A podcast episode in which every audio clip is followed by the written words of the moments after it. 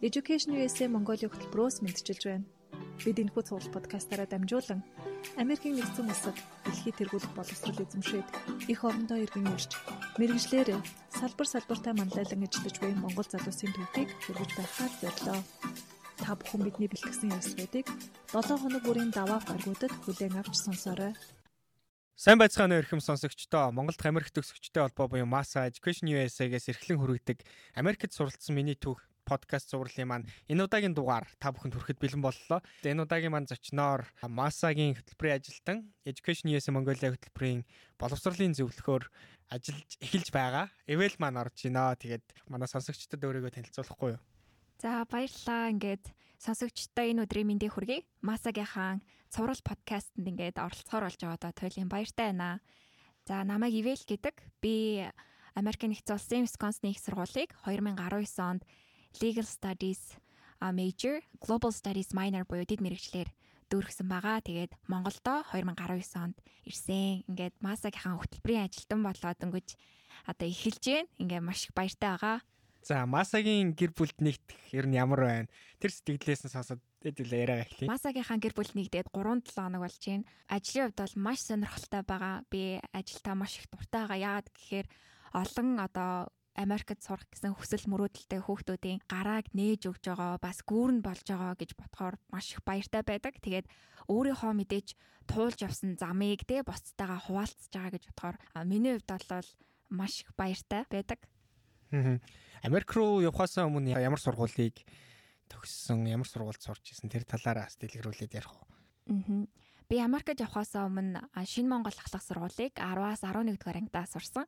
Ахлах сургуулаа дүүргэсэн гэсэн үг. Аа тэрнээс өмнө 13 дугаар сургуулийг сурч төгссөн.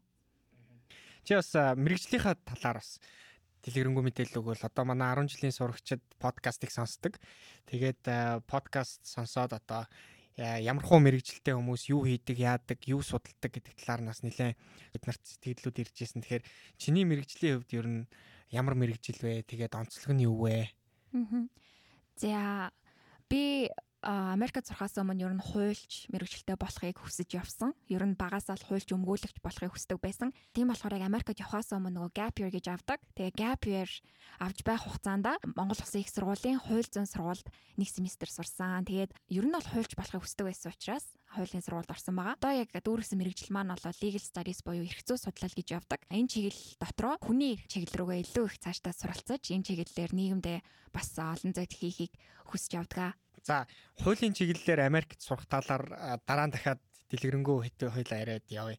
А Америкт суралцахаар шийтгэд ер нь яг хин Тэгээд эсвэл одоо юу чамд хамгийн их нөлөөлж исэн бэ? Америкт явхад хамгийн их нөлөөлсөн зүйл бол миний гэр бүл. За тэр дундаа миний аав гин талаар ямар ч ойлголтгүй байхад ер нь бол манай аав Америкт сурах ёстой шүү. Америкт сурснаар бол маш олон боломжууд гарна гэсэн ойлголтыг бол манай аав анх өгчээсэн. 6 дугаар ангиасаа эхлээд яг сургуулийн хажуугаар англи хэлний курст яваад хэлнийхаа мэдлэгийг дээшлүүлээд явсан. 6 дугаар ангиасаа хойш Америк явган явах хүртлээр маш олон курс дамжаа ингэж явдаг байсан. А тэр болгоны манаард бол манай аав дэмждэг байсан. Тэгээд өдөр болгон бараг ингээд зорилгын минь ойлгуулж анх англи хэл манай аав хүртэл надад зааж исэн.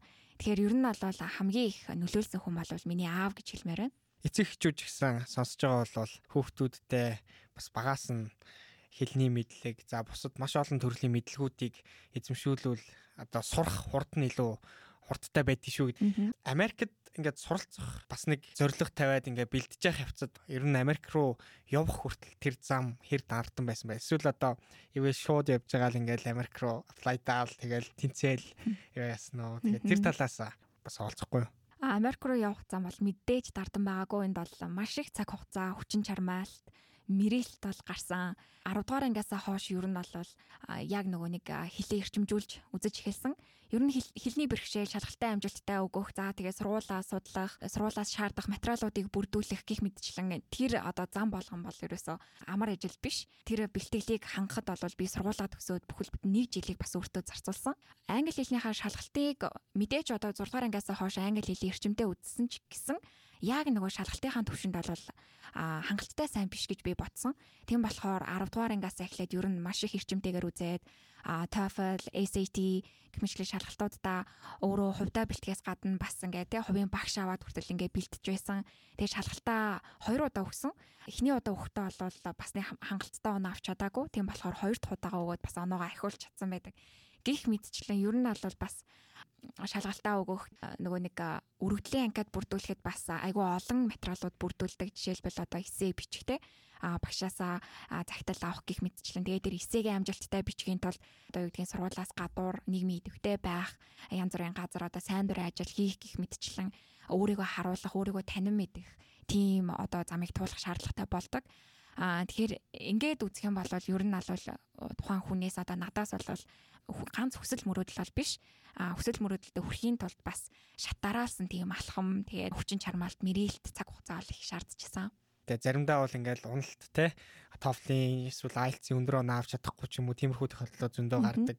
Тэгэхээр тэр болгон дээр нь шантралгүй улам одоо хичээсээр байгаа л ингээл хүрдэг шүү. Тэгээд манай Education USA Mongolia Масагаас яг Америкт сурах гээд бэлдэж байгаа хүмүүст 13-аас 18 сарын бэлдэх хугацаатай байгаарэ гэж зөвлөдөг. Энэ хугацаанд бол та хэд маань хилээ сайжруулна, хилнийхээ оноог авна, тухайн сургуулаа судална, сургууль руугаа материалаа явуулна. Энэ бүх процесс чинь яг энэ бэлдэх хугацаанд бас төлөвлөгдөөд ороод шат дараатаагаар та хэд маань өдрө болгон зорилгынхоо төлөө ямар нэгэн зүйлийг хийгээ явж хахад бол хүрдэг шүү.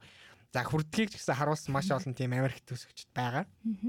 За Америкт ингээд очлоо. Тэгээд Америкт очисон сэтгэгдэл ямар байсан? Америкт байсан ярианд дурсамжуудаас олцохгүй. Аа. За миний Америкт очисон анхны сэтгэлдэл айгуу тийм инээдтэй жимсэг санагддаг надад одоо ботход.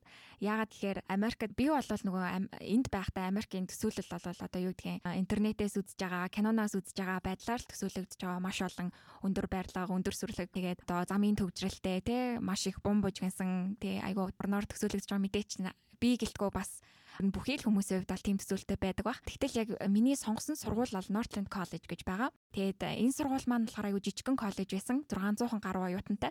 Wisconsin муч чи өөр одоо Америкийн хамгийн хойд зах Тэгээ хойд мужийн одоо баг бүр хойд хэсэгт нь байдаг байсан. Одоо юм яг хөдөө газар гэх үдэ те. Тэгээ би анх энэ сургуулийг мэдээж бас явахаас өмнө тодорхой хэмжээний судалгаа хийсэн. Ер нь бол байршил ийм байд юм байна. За ийм байд юм байна гэсэн төсөөлттэй байсан боловч ари үгүй илгүүдээ хийж бас бодож айцсан. Энэ бас нөгөө нэг одоо юу гэдэг интернетээр тавигдсан зураг ч юм уу бас апдейт хийгдээгүй ч юм уу байж магадгүй бас очингууд ари өөр ээж магадгүй гэж бас бодсон. Тэгээд яг нөгөө нэг сургууль дээр онгоцны бодол дээр ирээд нөгөө сургуулийн маань хүн намайг тосож аваад бит хоёр онгоцны бодлаасаа сургууль очих хүртлээр бараг нэг цаг гаруй машинаар явсан.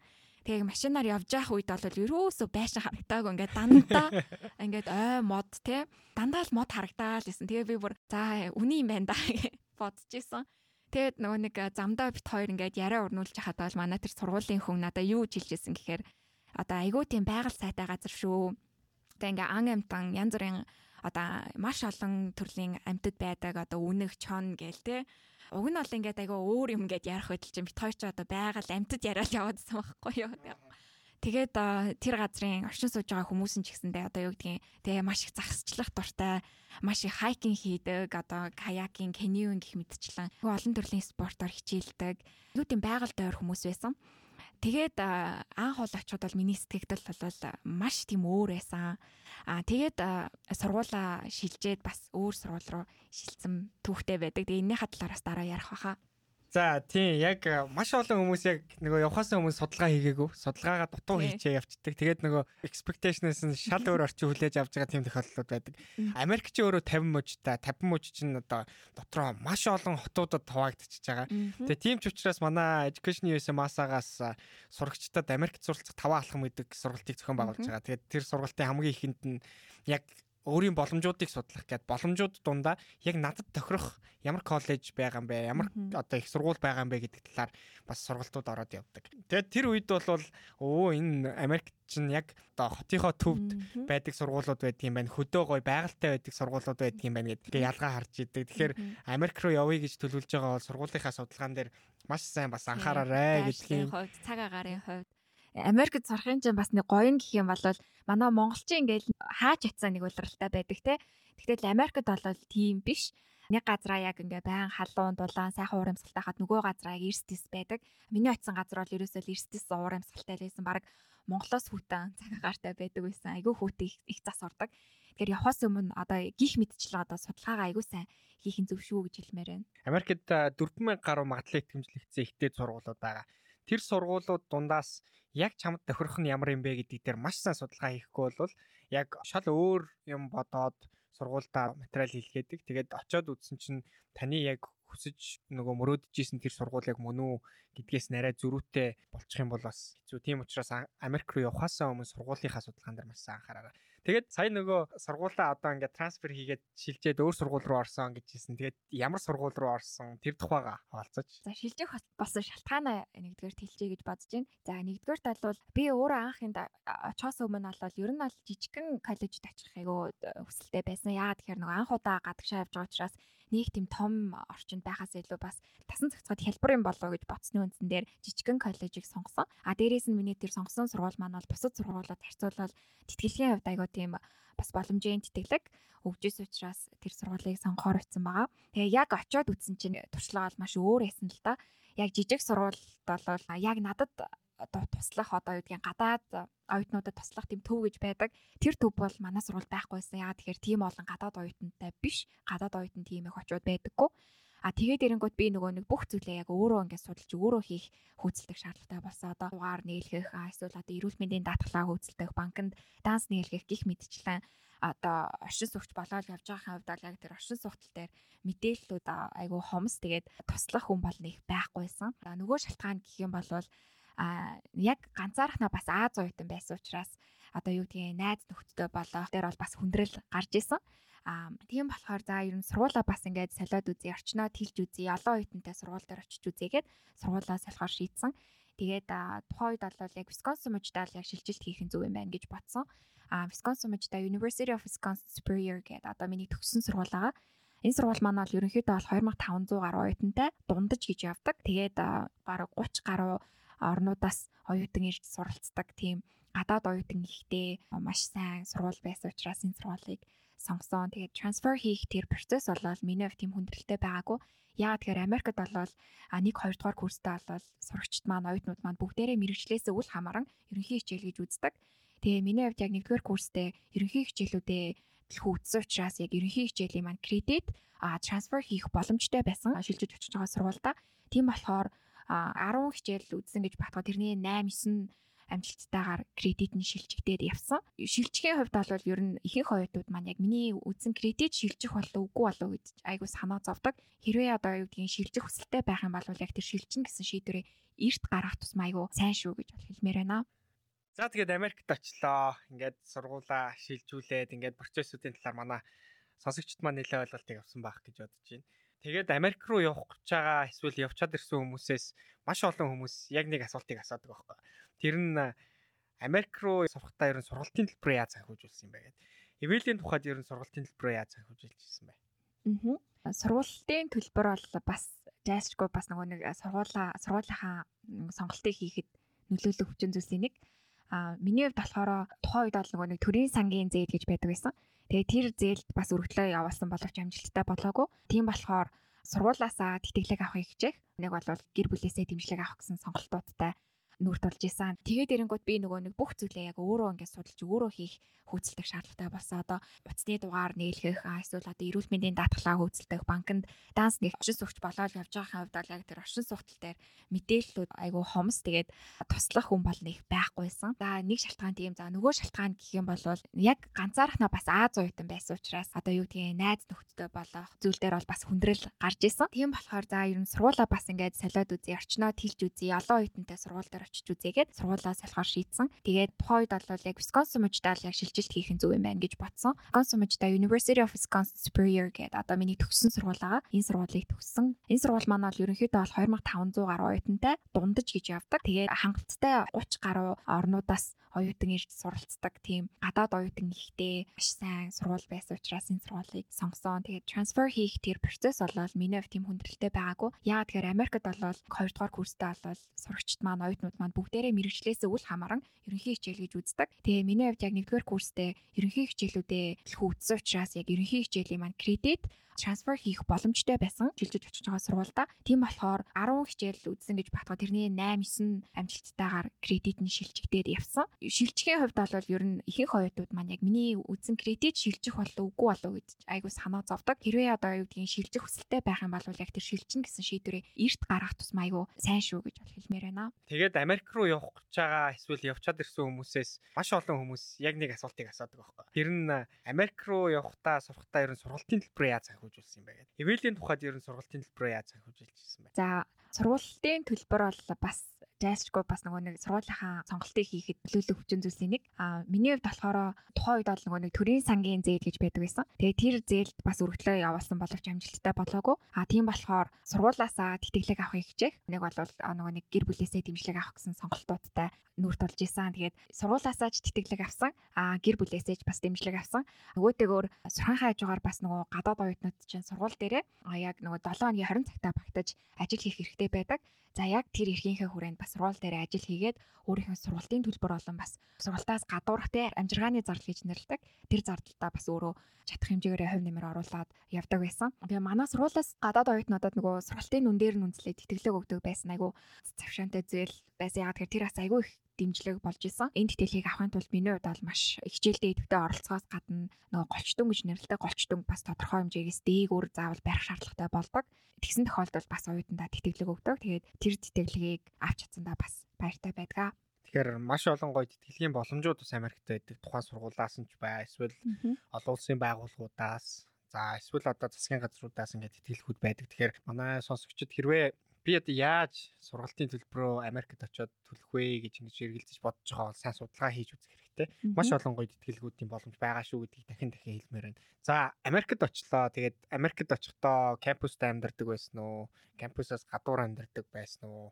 Оюутны амьдрал байна гэдэг бас нэлээд хөвгчлөлтөө. Тэгээд баялаг одоо ярихад бол маш тийм баялаг түүх байдаг штэ. Тэгэхээр тэр талаасаа бас манай сонсож байгаа хүмүүстэй уулзсан. Америкийн сургуулиуд ерөнхийдөө ихэнхдээ ийм шаардлага тавьдгийн. Одоо 1-р курс, 2-р курст орж байгаа оюутнуудад заавал нөгөө нэг сургуулийнхаа кампус, одоо сургуулийнхаа дотор байранд амьдрах шаардлагатай гэсэн шаардлагыг тавьдаг. Тухайн үед би бол анх эндээс очихдаа бол мэдээч миний хувьд оюутныхаа дотор байранд амьдрах нь хамгийн боломжийн санагд байсан хамгийн амар те. Тийм болохоор эхний яг 2 жилдээ бол сургуулийнхаа дотор байранд амьдраад тэгээ 3 дугаар курсээсээ нэлээд бие дааж эхлээд бас орчинтойгоо нэлээд танилцаад эхлэнгүүт нөгөө сургуулиасаа гадуур амьдарч эхэлсэн байр түрээслээд зарим хүмүүс асуудаг яг ингээд сургуультай дотор байрандаа амьдарсан дээр юм уу эсвэл нөгөө нэг гадуур те түрээслээд байр түрээслээд амьдарсан дээр юм уу гэж асуудаг. Миний хувьд бол яг өөрийнхөө туршлага дээрээс үнслээд хэлэх юм бол сургуулаасаа нөгөө гадуур амьдрах нь миний хувьд бол айгүй тийм тухтай гоё санагдчихсэн. Яа тэгэхээр би одоо үгийг сургууль дотор амьдрах юм бол чи яг өөрийнхөө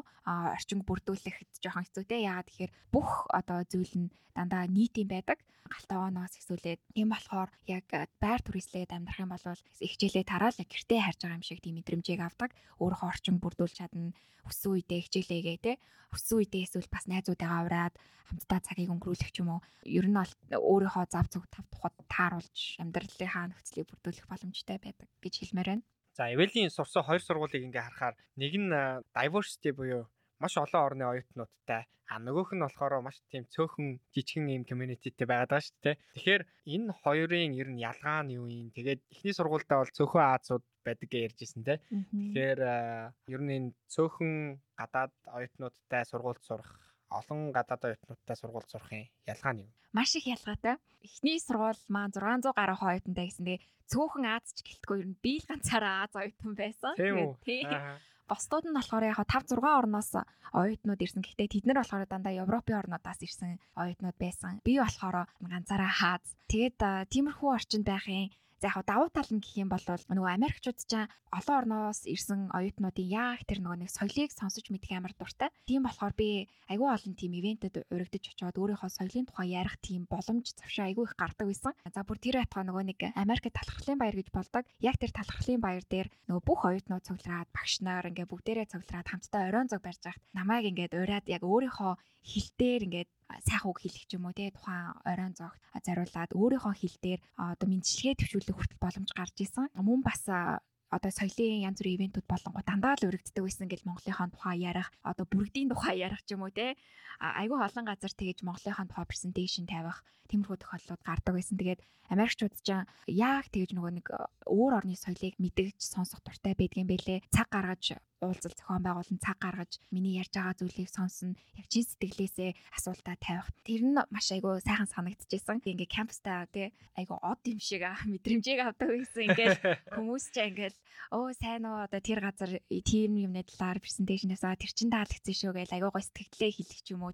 За нэг талаараа тийм а нөгөө талаараа гэх юм бол Америкчууд ч ингээд хоорондоо адилхан газар өссөн, адилхан соёлтой, адилхан түүхтэй, амьдралынхаа түүхний ижилхэн. Гэтэл яг надтай адилхан сонирхолтой, надтай адилхан Америкт сурах түүхийг хамтдаа одоо туулсан ч юм уу тийм хүмүүс байхгүй байгаа учраас нөгөө найз нөхдөдтэй болохын хувьд бол хүндрэл үүсч эхэлсэн л дээ. Аа тэгээд шилжээд эхлэнгүүд чинь айгүй олон нөгөө Аз орнуудаас ирсэн оюутан нэлээд их байдаг. Тэгээ тийм болохоор чинь бидний нөгөө нэг алдаж онсон зүйл нь яг адилхан, сурахыг хүссэн зүйл нь адилхан, ярьж байгаа зүйл нь адилхан. Тэгээ хамтдаа ингээл хоол идэл сууж байхад өртөл одоо ярьж байгаа юм адилхан одоо юу гэдгийг энэ орноос мэдхийг хүсэж байгаа зүйл очихыг хүсэж байгаа газар нь хүртэл адилхан болоод ирэнгүүт яг юм гоё групп үүсгээд нөхөрлөлийн тим хүрээ үүсээд ингээд гоё найз нөхдөдтэй болоход айгу амархан санагдчихсэн. Тэгээд энэ тентгийн нөгөө соёлын ивент болонгууд хүртэл айгу сонирхолтой. Би ганцаараа биш нөгөө олон орны хүүхдүүдтэй болоод ирэнгүүт чинь юу гэдэг тэд нэр өөрсдийнхөө соёлыг танилцуулна, дуугаад болно, бүжиг бүжиглэн тэгээд ирэнгүүт би хүртэл бас тэр ивентэд оролцоод ирэнгүүт надад сандрал бага айгу тайван илүү бас сонирхолтойгоор тэр ивентэд оролцоод ингээ явж исэн. Тэгээ тийм болохоор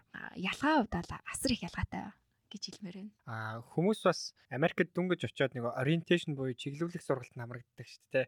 Тэгээ тэр талаар ч ихсэн манай education use маса дээр маш олон хүмүүс асуулт асуудаг байхгүй. Энэ сургалт чи яадаг юм бэ? Энэ одоо ямар очиртай юм бэ гэдэг. Тэгэхээр eval маань бас тэрэн дээр тайлбар хийгээ. Тэгээд чиний хувьд хоёр сургууль сурсан. Тэгээд ориентейшн ямар хөө байсан бэ? А ориентейшн сургууль сургуулиасаа шалтгаалаад айгүй өөр болд юм бэлээ. Миний хувьд бол анх очсон сургууль маань Northland College одоо юу гэдгийг байгаль орчин чиглэл рүү байгаль донд байдаг сургууль учраас байгаль орчин руугаа чиглэсэн тийм програм айгүй сайтай тэр чиглэлээр айгүй тийм сайн сургууль байсан. Тэгээ ер нь бас нөгөө нэг сурагчтай хандаж эхлэхэд хэрвээ одоо чиний мэрэгчлээ science чиглэл рүүгээ эсвэл environment, sustainability одоо байгаль орчин чиглэл рүүгээ байх юм бол бас энэ сургуулийг сонирхоорой гэж хэлмээр байна. Яагаад гэхээр яг orientation хүртэл бас байгальд болж өнгөрч исэн. Бид нэр 7 хоног үүргэвч үрээд кемпинг хийгээд ингээ явж исэн. Дээрээс гол дээр нөгөө нэг каякинг гэж нэрлэдэг. Заваар голоор ингээ аялаад тэгээд кемпинг газарт ингээ буудлаа. Тэгээд тэндээ юу гэдгийг хончоод үргэлжлүүлээ заваараа ингээ аялаад ингээ бүл бүтэн 7 хоног тэгж явж исэн. Тэгээд тэр бас айгүй хөвгчлээ санагдчихсан.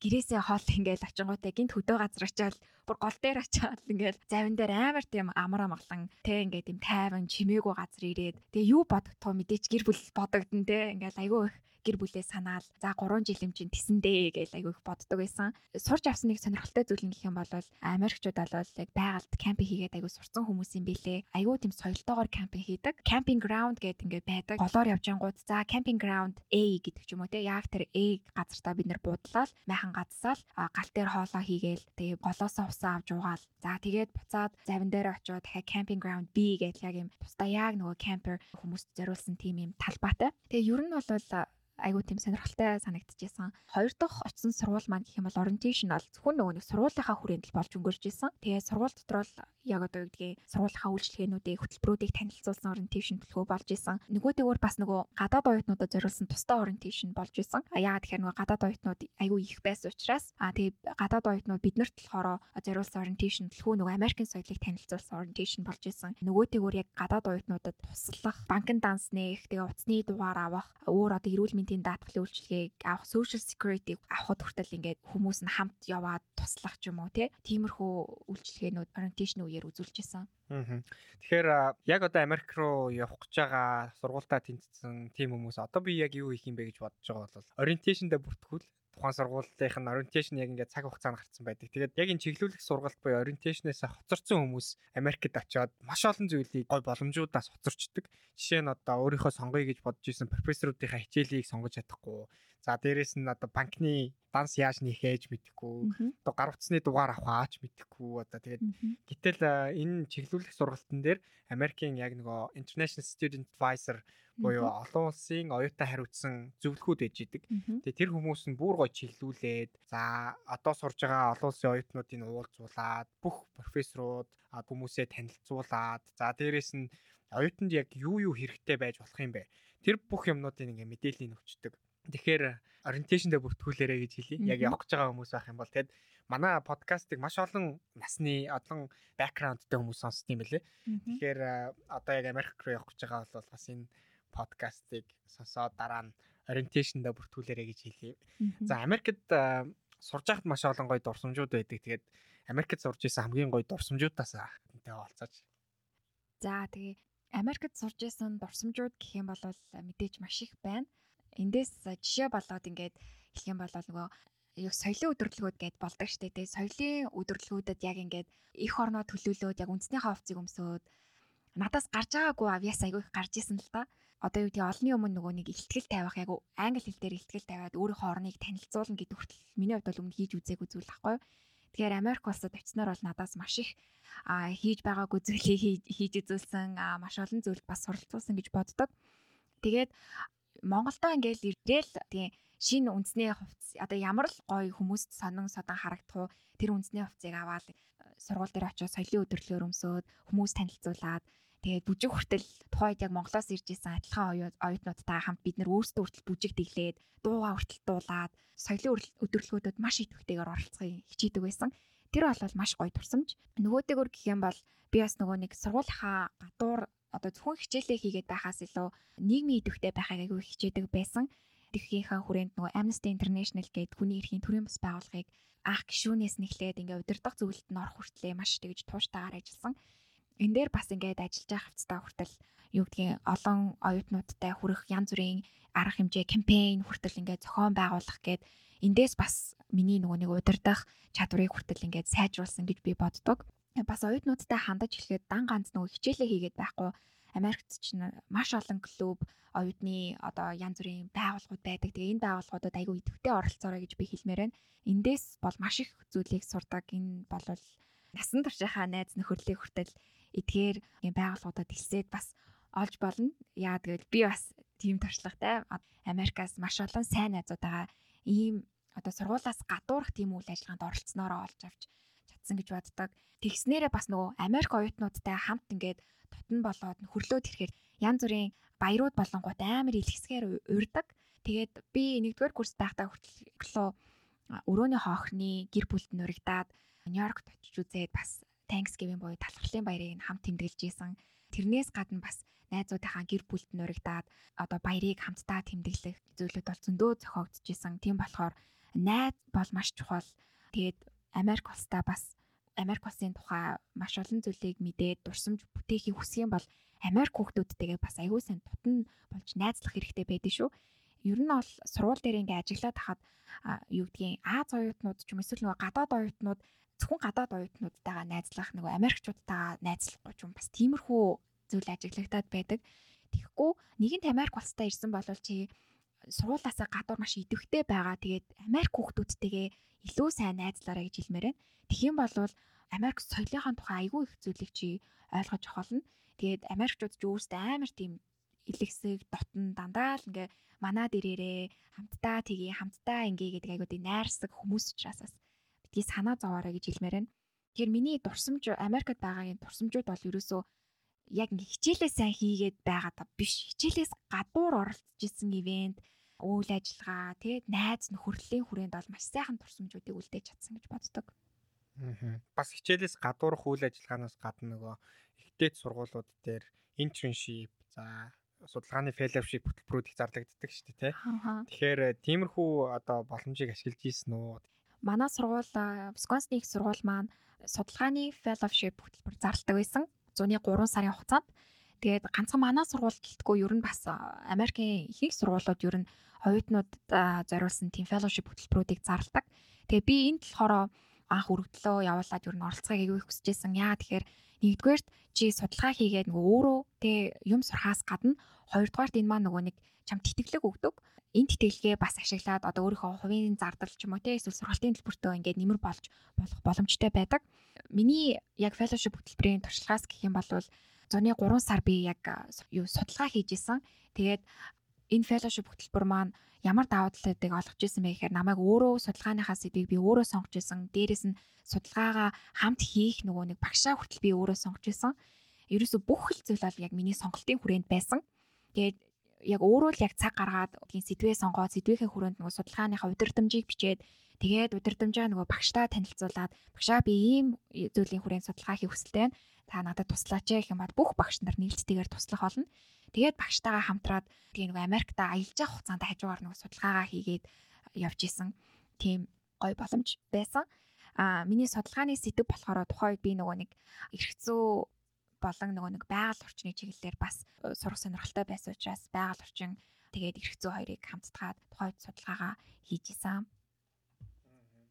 Аа тэгээд энэ fellowship хөтөлбөрт оролцоод яг судалгаагаа дуусгасны дараа айгүй олон гой боломжууд гарч ирж байсан. Тэрний нэг нь гэх юм бол нөгөө судалгааныхаа үр дүнг сургуулийнхаа багш нар, сургуулийнхаа захирал, сургуулийнхаа хүрээнд чи судалгаагаа танилцуулахаас гадна а яг Висконсин мужийн одоо бүх сургуулиуд яг нэг дор те Мэдисонгийн хотод цуглараад судалгаагаа бас нөгөө нэг Висконсин мужийн захирагч албан тушаалтнуудад хүртэл ингээд танилцуулаад тэднэртэй уулзах одоо Висконсин мужийн конгрессийн барилга конгресс гэж нэрлэдэг тэнд нь хүртэл ороод судалгаагаа танилцуулаад тэр удирдах зөвлөлийн хүмүүстэй нь хүртэл ингээд уулзах боломж гарч исэн.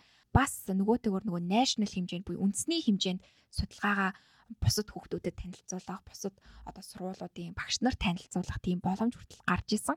Тэгэхээр энэ fellowship хөтөлбөр ямар ч fellowship хөтөлбөр болвол маш олон боломжийн үүдийг ол нээж өгдөг. Одоо хүртэл би бас янз бүрийн газар ажлын газар өргөдлөө явуулахад бол тэр судалгаа, тэр fellowship-д оролцсон тэр зүйл бол маш том чин зүйл болдог. Тийм. Тэгэхээр а яг Америк руу сурж байгаа магадгүй одоо сурж байгаа хүмүүс энэ подкастыг сонсож байгааг бол сургуулийнхаа вебсайтаар ороод ийм боломжууд юу байна гэд судлаад үзээрэй. Маш олон гоё боломжууд байдаг. А сургуулаа хайж байгаа хүмүүс байх юм бол ийм гоё прүүдийг зарладаг сургуулиуд юу байна гэдгийг бас судалж үзээрэй гэж хэлмээр байна. Тэгээд сүүлийн үед манай төвд рүү бас Америкийн нэгдсэн улсын кампус ямар хөө байдгийм бэ гэдэг талаар бас нэлээд асуултууд орж ирээд байгаа. Тэгээ энтэй ч гэсэн холбоотойгоор манай Америк төгсөгчтэй холбоо Massa Education USA-гээс Америкийн кампусаар аялуулах виртуал тууруудыг зохион байгуулж байгаа. Тэгэхээр яг танаа сургуулийн хувьд University of Wisconsin Superior-ийн хувьд яг ямар хөө байсан бэ кампус нь? Ааха, кампусын хувьд бол хэмжээний хувьд дундаж аа тэгээд бүх зүйл нь айгүй тийм ойрхон. Зарим сургуулиуд ч хитрхи том сургуулиуд ч нөгөө нэг барилган дээ сургуулийнхын байрууд нь эн тэндээ байдаг. Зарим хүртэл одоо юу гэдгийг автобусаар, таксигаар ч юм уу очих шаардлагатай болдог. А манай сургуулийн хувьд бол яг ингээ юм хүрээлэл дондаа яг бүх ингээд сургуулийн байрууд нь яг нэг дор ингээ байжсэн. Тэгээ дотор байр нь хүртэл те айгүй ойрхон. За тэгээ сургуулийн хичээлийн байр тэгээ дотор байр нь яг нэг дор дотор байраасаа гараад яг хичээлдээ очиход айгуу тийм ойрхон айгуу хялбар байдаг байсан. Номын сан бас байгаа. Cafeteria буюу одоо юу гэдгийг хоол тэгээд одоо тэр хоолны заал нь хүртэл айгүй тийм цэлгэр уужим те олон хүн олон оюутнуудыг яг ингээ нэг дор багтаа хэмжээний тийм цэлгэр уужим байдаг байсан. Тэгээд ер нь бол нөгөө дотор байранд амьдарч байгаа хүмүүс чинь ерөөсө хоол нь бол дандаа цаанаасаа сургуулаасаа тийм болохоор их дотор байрнаасаа гараад сургуулийнхаа хоолны зааланда очиод өдрийн хоол, оройн хоол өглөөний цагаа хүртэл ингээ угаад тэгээд хичээлийнхаа байр руугаа явдаг. Тэгэхээр ерөөсөө бүгд айгүй тийм цогцыг нэг дороо яг суралцах орчинг айгүй тийм гоё бүрдүүлж өгсөн тийм байдаг шүү. Ер нь Америкийн ихэнх сургуулиудын кампусууд нь. Кампус айгүй гоё тийм фрэндли байдаг те. Яг ингээд нэг газар руу яваад орохоор найзууд нь хамт сурж байгаа хүмүүс нь ингээд яг ажиллаа ажилладаг нөгөө кампуста 20 цаг хүртэл 7 хоногт ажиллах боломжтой болохоор. Тэгэл айгүй гоё фрэндли үйлчлээл а сайн нөгөө ярьжсэн кафетериад ингээ хоол тэгэхэд нэг юм та хэд карт өгдөг байсан уу? Тийм, карт өгдөөсөн. Карта уншуулад орд. Тийм, карта уншуулаад үүдэнд нь уншуулаад амар том хоолны агуулга руу орж байгаа юм шиг. Тийм, хоолны сонголт маш өргөн. Маш өргөн тий. Тийм байдаг байсан. Айгу тансаг штэ. Тийм, нэг тал юм бол айгу гоё штэ. Тий. Тэгээд а тэр нөө сургуулийнхаа хүүхдүүдийг харна гэдэг тэр тэр бол айгүй үнэн юу гэдгийг одоо номын санд ганцаараа хичээлээ гэдэг аахгүй таньдаг найзуудтайгаа ингээ тэнгээс сууж лээдэг те. Эсвэл одоо кафетериад орсон ч гэсэн тэгээ найзууд маань тэнд байж лээдэг.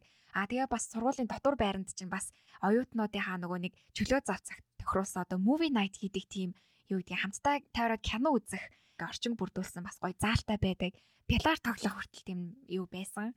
Бас нөгөө одоо юу гэдгийг хамтдаа компьютер ингээл тоглодог найзууд ч юм бас ингээл оюутныхаа яг нийтийн тэр зааланд нь хамтдаа цуглараад компьютер тоглох ч юм уу эсвэл ингээл хамтдаа уулзаад ном унших тий хамтдаа гэрийн даалгавраа хийх тиймэрхүү зүйл бол тийм хамтын орчинг бүрдүүлсэн заал бол маш их байдаг. Одоо ботход. Яг үнэ. Аа за одоо нэг зүгээр сонирхолтой асуулт асуу ивэлээс хэрвээ яг одоогийнхоо энэ мэдлэгтэй чи Америкт дахиад бакалавраараа эхнээсээ сурахаар бол яг юу юу шууд хийгээд эхлэх байсан бэ? Одоо төгссөн зарим хүмүүс чинь би Америкт хэрвээ одоо ингээд очиод сурсан бол тэгэх байсан ингээд иймэрхүү юмнуудыг ярьдаг шүү дээ. Иvēлийн хувьд одоо яг буцаад яг өнөөдрийн ивэл шинхэн флаврын ойтон болоод очивол яг юу юунуудыг хийх байсан бэ? За хэрвээ одоо яг ингээд өнөөдөр хаа мэдлэгтэйгээр гэд буцаад очих бол би хамгийн түрүүнд ер нь бол 3 сар зуны амралт болгоноор дандаа Монголдо ирээд идэг гэсэн байхгүй юу? Тэгээ тэгхгүйгээр э, яг нөгөө Америкт чинь яг тэр зурны саруудыг чи яг үр бүтээлтэй өнгөрүүлэх аюу тийм гой гой зүйл бол гарч ирдэг юм бэлээ. Тэгээ би чи нөгөө нэг гэрээ сансан сэтгэлээр л э, юу юг бол хичээл дуусна шууд л одоо юу гэдэг онгоцныхаа плетийг захиалал Монголдо ирдэг гэсэн. Гэхдээ Монголд ирж байхдаа өөртөө ашигтайгаар юу хийв те амраал хөдөө яваал мэдээч сайхан боловч бас яг өөрийгөө хөгжүүлэх тал дээр бол нэг их зүйл бол хийж чадаагүй гэж санагддаг. Америкт байсан бол би тэр үедээ ингэж боддог байсан. Дадлага хийхэд бол юу гэдгийг дөрөвдүгээр курс, гуравдугаар курс одоо юу гэдгийг нилээ ингээд курс ахиулж байгаа л дадлага хийн гэдэг ч юм уу. Тийм бодолтой байдаг байсан болохоор дандаа энэ тэнд очиж дадлага хийх зүгээр волонтер хийхэд хүртэл би аа болоогүй өөрийгөө дандаа болоогүй гэж боддог байсан. Тэгэл нөгөө тэг дуртай байдаг байсан. Гүүгээр ер нь бол Америкт нэгдүгээр курсээс очисон болвол өөрийгөө ер нь бүх юмд бэлэн байлгах шаардлагатай. Чи ерөөсөө оройтоогүй хаач ч очиод дадлага хийж болно. Ерөөсөө судалгаагаа аягүй сайн хийгээд сургуультай ойрхон байгаа яг тэр мэрэгжлийнхаа дагуу нэг байгууллагт очивол зүгээр би дадлах хиймээр байна эсвэл зүгээр би волонтер хиймээр байна гэдэг ч юм уу. Ингээл э, эхнээсээ л ер нь аюу тэгж бие дайчлал эхлэх хэрэгтэй юм байлээ. Яагаад тэгэхээр би дөрөвдүгээр курстай яг нөгөө нэг сургуулаа төгсөөл интernship буюу дадлага заавал хийх шаардлага гарч ирсэн. Тэнгүүд л ерөөс аюу стресстэйжсэн байхгүй хаа нэх үү яах вэ их үү гээд бэлтгэл аюу муу. Заавал нөгөө хичээлийнхэн кредитэнд тооцоолж хийхээс илүү яг чамд хэрэгтэй шүү гэж чи бодож ерөөсөө аюу эртнээс бэлдээл явах хэрэгтэй юм байлээ. Тэгээд зуны 3 сарын хугацааг бол чи нэгэнт Америкт утсан юм чинь заавал Монголдо ирнэ гэж яахгүйгээр Америкт байгаа тэр хугацаагаа бүрэн дүр ашиглах хэрэгтэй. Аялах хэрэгтэй. Аа янз бүрийн газар очиод волонтер хийх хэрэгтэй. Internship хийх хэрэгтэй л гэж би юу н хэлмээр байна. Тэгээд нөгөө бид нар бүгдээрээ л анх удаага амьдарч байгаа шүү дээ гэдэгтэй хүмүүс яг сүулт нь за бид ихчдэг байж тээ гэдэг ингээ харамсч идэг. Тэгээд тухайн хүмүүсээс мэдээлэл аавна гэдэг чинь туршлагатай хүнээс мэдээлэл сонсож байгаа гэсэн үг болчихж байгаа байхгүй. Одоо жишээ нь яг Америк руу явах гэж байгаа бакалаврын төвшөнд явах гэж байгаа оюутнууд саяхан ивэли ярьсан юмнуудыг ингээ хийгээ явах юм бол төрүүлээд бусдаасаа нэгдүгээр курсийн дундаа арай илүү алхаад байх боломжтой болчихж байгаа л гэсэн үг юм.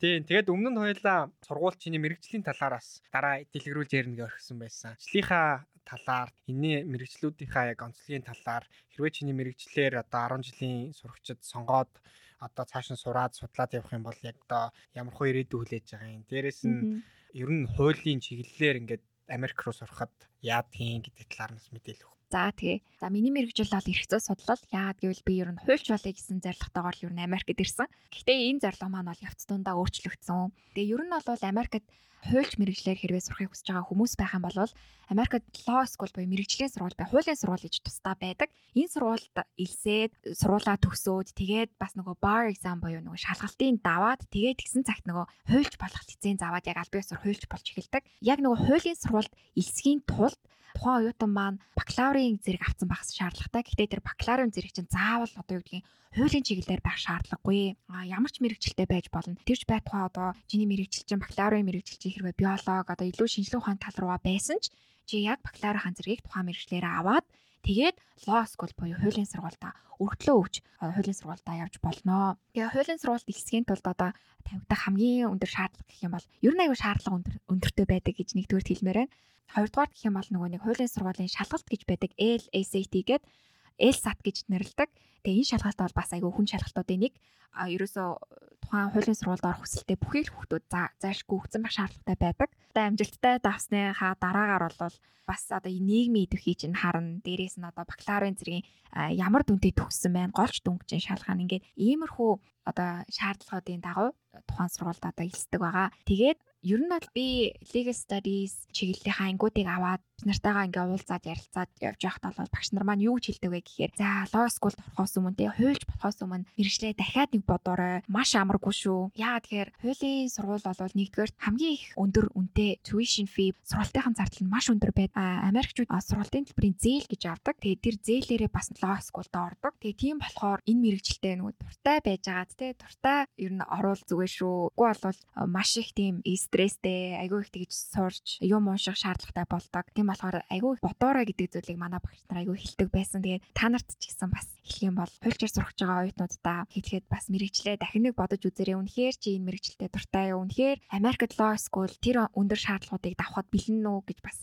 хэлмээр байна.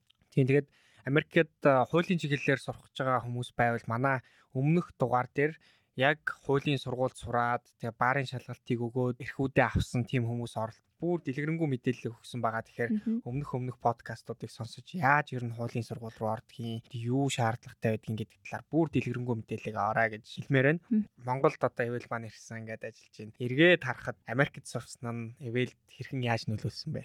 Америкт сурсан минь миний маш их зүйлд бол нөлөөсөн. Анх нэгдүгээр курсэд очиж исэн Эвэл доо байгаа Эвэл хоёр бол маш их өөр болсон гэж би боддог. Анх бол багш нарынхаа дунд одоо ангийнхныхаа дунд ч гараа өргөөд өөрийгөө илэрхийлэхээс айдаг, сандардаг байсан бол одоо бол тий олон нийтийн өмнө ингээд ихтгэл тавих, олон нийттэй харилцах, хувийн хувьд бол өөрийгөө нэлээд ихтгэлтэй болсон гэж боддог. Ярах чадвар, илтгэх чадрын хувьд нэлээд дээшилсэн гэж боддог. Америкчуудын бас нэг тухайн үед надад айгу таалагдсан соёл нь юу вэ гэхээр Америкт яг нэг ангид оюутнууд суралцж байхад багш оюутан гээд тийм ялгаа бол нэг гардгүй байсан шинж сурагчдаас нэг юм хүндлэл хүлээгээл ингээд байгаад байдгүй яг л тийм хооронд аягүй илэн далангуу харилцан яриа өрнүүлээд аягүй илэн далангуу тутан байдаг байсан. Тэгээд сурагчид маань яг ангитай аягүй тийм идэвхтэй оролцдог. Гараа өргөөл ерөөсөө өөрөх амьдралын түүхийг хүртэл яг хичээлтэйгээ холбоод ярилцдаг. Тэгтэл оюутнууд нь тэрийг яг хичээлтэйгээ холбож ойлгодог тийм. Туртаа асуултаа асуугаал багштайгаа ярьдаг байх жишээний. Тэгтэл би бол ерөөсөө за одоо ингээ ярьчвал миний англи хэл ингээд юу гэдгийг ингээ дөрмийн хувьд алдаатай болчин. Тэгээд юугээ бодчих хоол гээл аягүй их өөртөө ихтгэлгүй байх ч юм уу. Тиймэрхүү зүйл бол маш гардаг байсан. Тэгээд хүүхдүүд сурагчтай хэлэхэд бол ерөөсөө битгий тэгж айгаараа айл болох нөгөө гараа өргөөд өөрийгөө илэрхийлээрээ тех тусан багш нар чинь бол маш их туртай байдаг. Америк багш нар бол аль болох өөрөө яриад байхаас илүү дандаа оюутнуудаараа яриулах, оюутнуудаараа юм хийлгэх, групп багт хуваарлаад багийн багаараа ажиллах тэг чадварт сургадаг. Тийм болохоор ерөөс битгий айц сандраарэ гэж хэлмээрээ. Тэгээ одоо байгаа бол миний маш их тийм бие даасан гэж би боддог. Америкт 3 дугаар курсээсээ эхлээд дотор байрнаасаа тустай амьдраад байр түрээслээд эхлэнгүүт чи яг ажиллаа игээ зэн орлохоороо болохоор байрныхаа зардлыг төлөөд өөрийнхөө амьдралынхаа зардлыг төлөөд санхүүгийн хувьд ч гэсэн амар тийм тооцоо төлөвлөлттэй болж эхэлсэн гэж боддог. Өнөөхдөө бол тийм амьдралын суур ухаан одоо чадварт суралцуулсан гэж боддог. Манай подкастууд дохионы хэлний орчуулагтайгаар YouTube байршдаг. Сонсголын бэрхшээлтэй хүмүүстэй зориулаад яг дохионы орчуулагтайгаар YouTube байршуулдаг. Танаа University of Wisconsin Superior-ийн хувьд хүчлийн бэрхшээлтэй хүмүүст хэр ээлтэй байсан бэ? Манай сургуулийн хувьд бол миний туршлагаас ингээ харах юм бол ер нь айгүй ээлтэй орчныг бүрдүүлж чадсан гэж би боддог. Тэрхэнцэртэй урагчдыг сургуулийн байрлал оруулах, хичээлдэн сургах, анги танхим, одоо хаалганаас авахулаад бүгд айгүй тийм ээлтэй байсан. Ганцхан сургуульд гэлтгүй ер нь Америкийн ихэнх хот байрлал одоо өрөөнүүд бол яг тийм хөгжлийн мэрэгчлэлтэй ирэнд айгүй ээлтэй байдаг юм шиг санагддаг. Автобусны үйлчлэгээ нүртэлтэй ганц коноп дараа л ерөөсөө тухайн хүний оролцоогүйгээр хаалга нэгдээл шатан буугаал тухайн хүн яг тэр хэнцэртэйгээ ороо тий байрлалгаа ороод эсвэл автобус руу ороод суух боломжтой байдаг. Бас нөгөөтэйгөр би өөрөө сургуультай суралцж байгаа хавцаа note taker гэж хийдэг байсан. Тэр нь яг юу вэ гэхээр тэ адилхан яг тухайн хичээлийг сонгосон. А гэхдээ хичээлдээ сонсголын бэрхшээлээсээ болоод хичээлдээ өөрийн биеэр ирж сууж чадахгүй байгаа оюутнуудад зариулаад би хичээлийнхаа тэмдэглэлийг маш сайн хөтлөөд багш яг юу хэлсэн тэрийг одоо үгсэг гээйлгүй те. Яг гол санаануудын сайн тэмдэглэж аваад өөрийнхөө нэрийг бичээд яг тэр боловсролын зөвлөх хүн гэж байдаг байсан. Тэр хүндээ өдрөө ингээд өгдөг байсан. Тэгээ тэр хүн маань бол ерөнхийдөө